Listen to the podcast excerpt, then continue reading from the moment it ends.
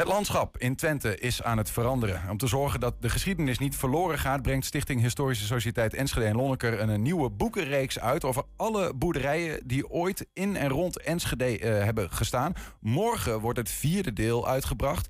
Uh, die vertelt het verhaal van 128 boerderijen in de omgeving Boekelo. En bij ons zijn uh, Han Terbeek en Dick Buursink, beide lid van de sociëteit. En nou ja, maker of in ieder geval betrokken bij, de, bij dit boek. Welkom, beide. Ja, graag. Uh, Han, ik heb begrepen dat jij eh, wat directer betrokken bent ook bij uh, nou ja, dus het schrijven van het boek. Ja, dat klopt. Uh, we hebben een afgelopen 15 jaar ongeveer een 7, 8 schrijvers gehad. aantal zijn er van overleden, aantal zijn er gestopt. En iemand moest het dus samenstellen. Dat ben ik geworden. Ja, ja. Daar ben je mooi klaar mee. Het lijkt me aardig onbegonnen werk bijna. 128 is, boerderijen, zij staan er niet allemaal meer, zeg maar? Ik wou bijna zeggen, gelukkig hebben we corona gehad. En heb ik vier jaar de tijd gehad om zeg maar, het boek samen te stellen. En de meeste verhalen van de vorige mensen te herschrijven. En daar is dit het resultaat van. Ja, ja, ja. Zou je de microfoon iets hoger kunnen vastpakken? Dan uh, is die. Uh, Dick, um, dit, is, dit valt in een serie van uh, boeken, hè? Boekelo ja, is nu aan de beurt. er is ongeveer 30 jaar geleden, is, dacht ik, boek 1 verschenen.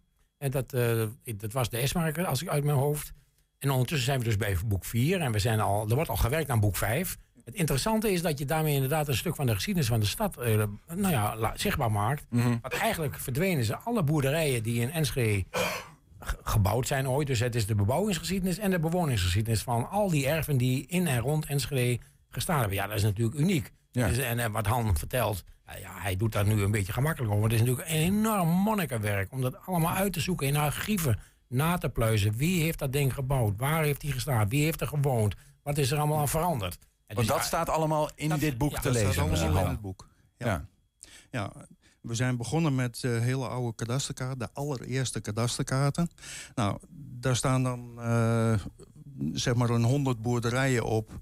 En dan van daaruit ga je kijken van wat is er bijgekomen, wat is er verdwenen. En dan ga je zeg maar gaatjes vullen in die lijst. En dan ga je per boerderij ga je gewoon zoeken wie zijn de bewoners geweest. Nou, er zijn gigantisch veel archieven. Je moet ze alleen weten te vinden. Ja. Ja, ik, ik, ik blader er even doorheen. Dan zie ik 21, Erve Overbeek, 22, Erve ja. Hulshof Knoef. Uh, dat zal met name te maken hebben ook van mensen die dat boerder, die boerderij ooit gehad hebben, denk ik zo. Ja, het zijn uh, zeg maar de, de vroegere bewoners en de nazaten daarvan. Maar heel veel boerderijen zijn ondertussen verkocht uh, aan andere families. Uh, dus ja, je hebt legio mensen die ja. dan interesse hebben in zo'n boek. Want soms zijn het voorouders, soms zijn het de ouders. Uh, soms zijn het uh, kinderen ervan die nu uh, zo'n boerderij bewonen. Ja. Ja, wat, waarom is dat? Want ik, ik zie hier bijvoorbeeld even, ik, zomaar eentje, 23, Hofmeijer Scheid is dat ding. Daar zie ik gewoon een, een, een Peugeotje bij staan. Dat is helemaal niet ja. zo heel oud, uh, deze foto. 20, nee, op zich. 2022 nota bene. Hè? Ja. Dus we hebben het echt niet over de verre geschiedenis. We hebben het ook over het nu. Uh, ja, waarom vinden mensen dat dan zo mooi? En ook, je, je, je bent dus zelf een monnikenwerk begonnen om dat goed, goed in beeld te, te brengen. Nou, omdat je ontzettend veel geschiedenis over de stad en over de textielbaronnen van Enschede en nou, noem maar op. Daar is ontzettend veel over geschreven. Ja. Alleen het buitengebied komt maar heel zelden aan bod. Dan, ja, misschien een keer dat er een grote villa staat van een textielbaron. Dan zie je nog een stukje buitengebied. Maar er is zo gigantisch veel meer aan geschiedenis. En het grootste deel van de bevolking stamt af van de boeren die in het buitengebied gewoond hebben. Dus het, het is eigenlijk maar een klein stukje waar heel veel over geschreven wordt. En heel veel die niet beschreven wordt. Nou, ja. dat hebben we met dit boek uh, dus ook willen inhalen. Het ja. leuk vind ik overigens ook dat heel veel Enschedese families kunnen zichzelf in het boek terugvinden. Hè? Ja. Ik heb zelf de Erve Buursink. En wat nu de Esmark is, dat was, daar is dus in de 19e eeuw... was daar de boerderij van de familie Buursink. En dus mijn voorouders, die zijn er uiteindelijk uitgegaan. Ook allemaal naar de textiel, want dat is natuurlijk wat in Enschede gebeurde. Al die kleine erven waar mensen nou ja, in armoede leefden. Hè, en dan soms een huisweverijtje erbij. Even een erve, dat is zo'n bekend woord. Maar wat is dat precies? een erve is een boerderij. Een boerderij. Ja, het is, Een erve is eigenlijk iets meer dan alleen de boerderij. Het is ook uh, de grond er rondomheen. Ja. Uh, in veel gevallen hier zitten wel één of twee wannershuizen, oftewel huurders zitten erbij. Ja, ja.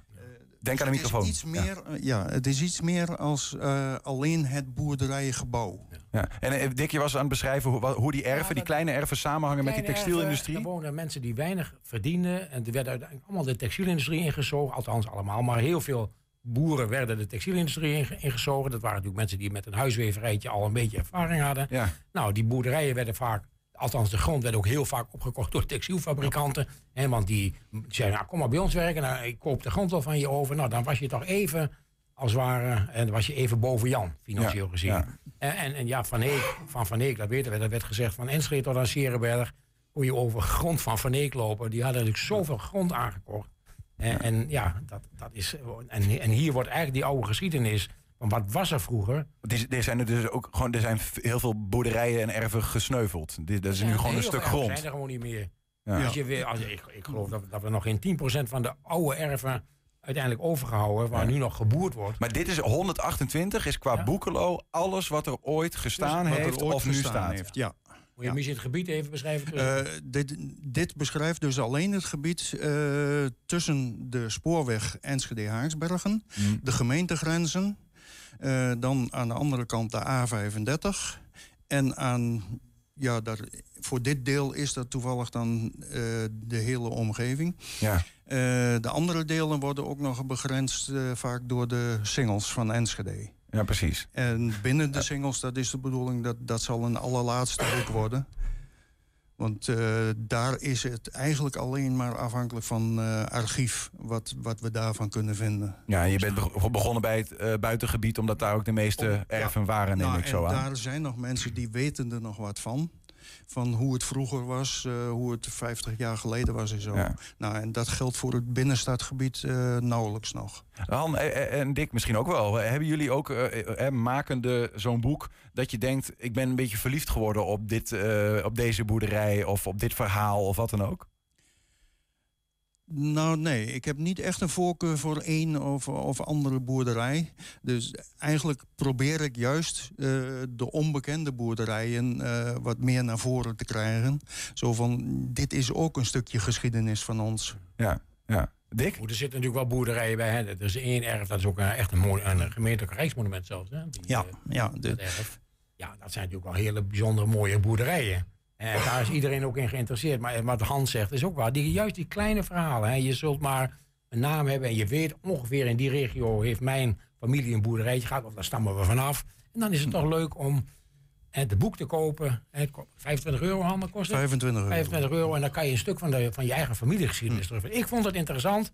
En dat mijn familie in de Esmark een boerderij gehad heeft. En dan krijg je hele verhalen eromheen. Een van de, van de broers die is dan versopen in het Aamsveen. Omdat hij ja, of aan het smokkelen was of wat ook, maar dat weet ze niet eens precies. Maar dat soort verhalen komen er ook achter vandaan. Hè? Ja, dat, ja. ja, wat ik bedoel, je gaan, morgen uh, gaan jullie het boek uh, presenteren hè? in, tuurlijk, Boekelo, bij de buren. Ja.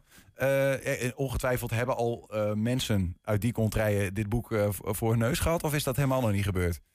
nou, dat zijn er maar één of twee. Oh, okay. die toevallig dan bij mij thuis geweest zijn. En terwijl het boek op tafel lag, ja, ja, ja. Uh, maar voor de rest hebben we het nog uh, zoveel uh, mogelijk. Als ik jullie om als je vraag van wat zijn nou reacties van mensen op dit boek, dan moet je het echt met de mensen van de sociëteit doen, zeg ja, maar. Ja, nou, okay. en dat, die zijn over het algemeen positief.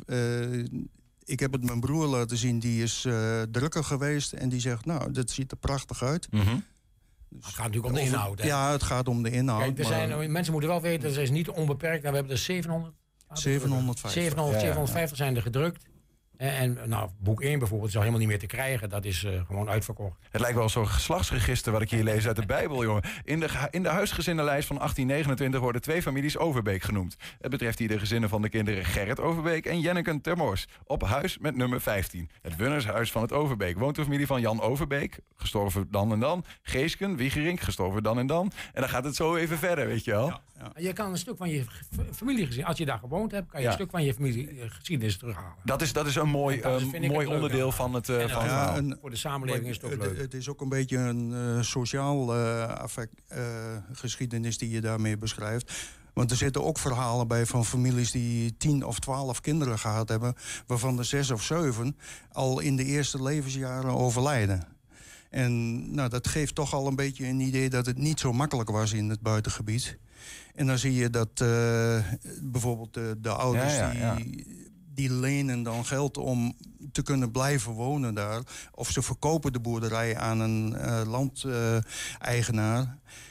En huren dan de boerderij zelf weer terug. Ja, de pachtboertjes. pacht, dan worden het pachtboertjes. Ja, ja, ja. ja en dat, is, dat werkt dan misschien ook wel als er zo'n zo'n moeilijkheid in zo'n gezin is, werkt dat ook door de generaties heen? Ja, dat werkt vaak door de generaties heen. En dan zie je, soms zie je dan langzaam één of twee van de nazaten, die zie je er weer bovenop klimmen.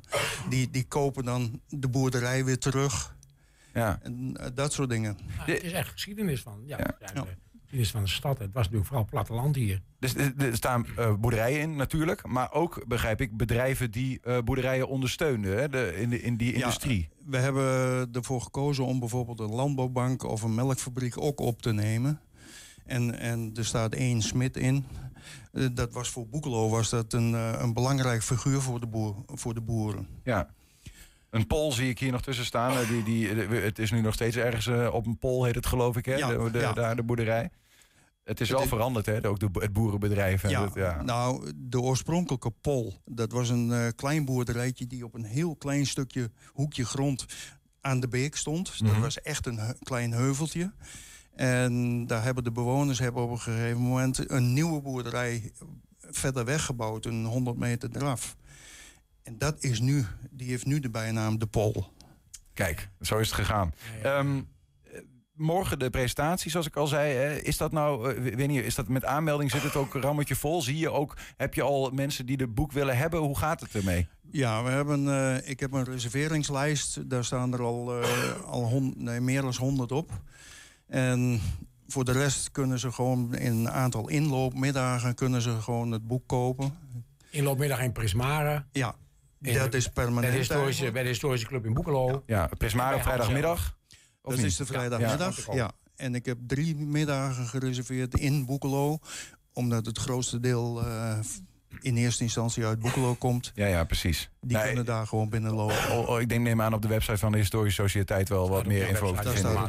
Um, uh, nummer 5 is dus in, gaat over de binnenstad van Enschede, begrijp ik? Nee, of zie ik dat, dat verkeerd? Nee, okay. nee, dat is uh, nummer 9 of zo. Oh, dat is nummer 9. Dus ja, we zijn nog niet van jullie af.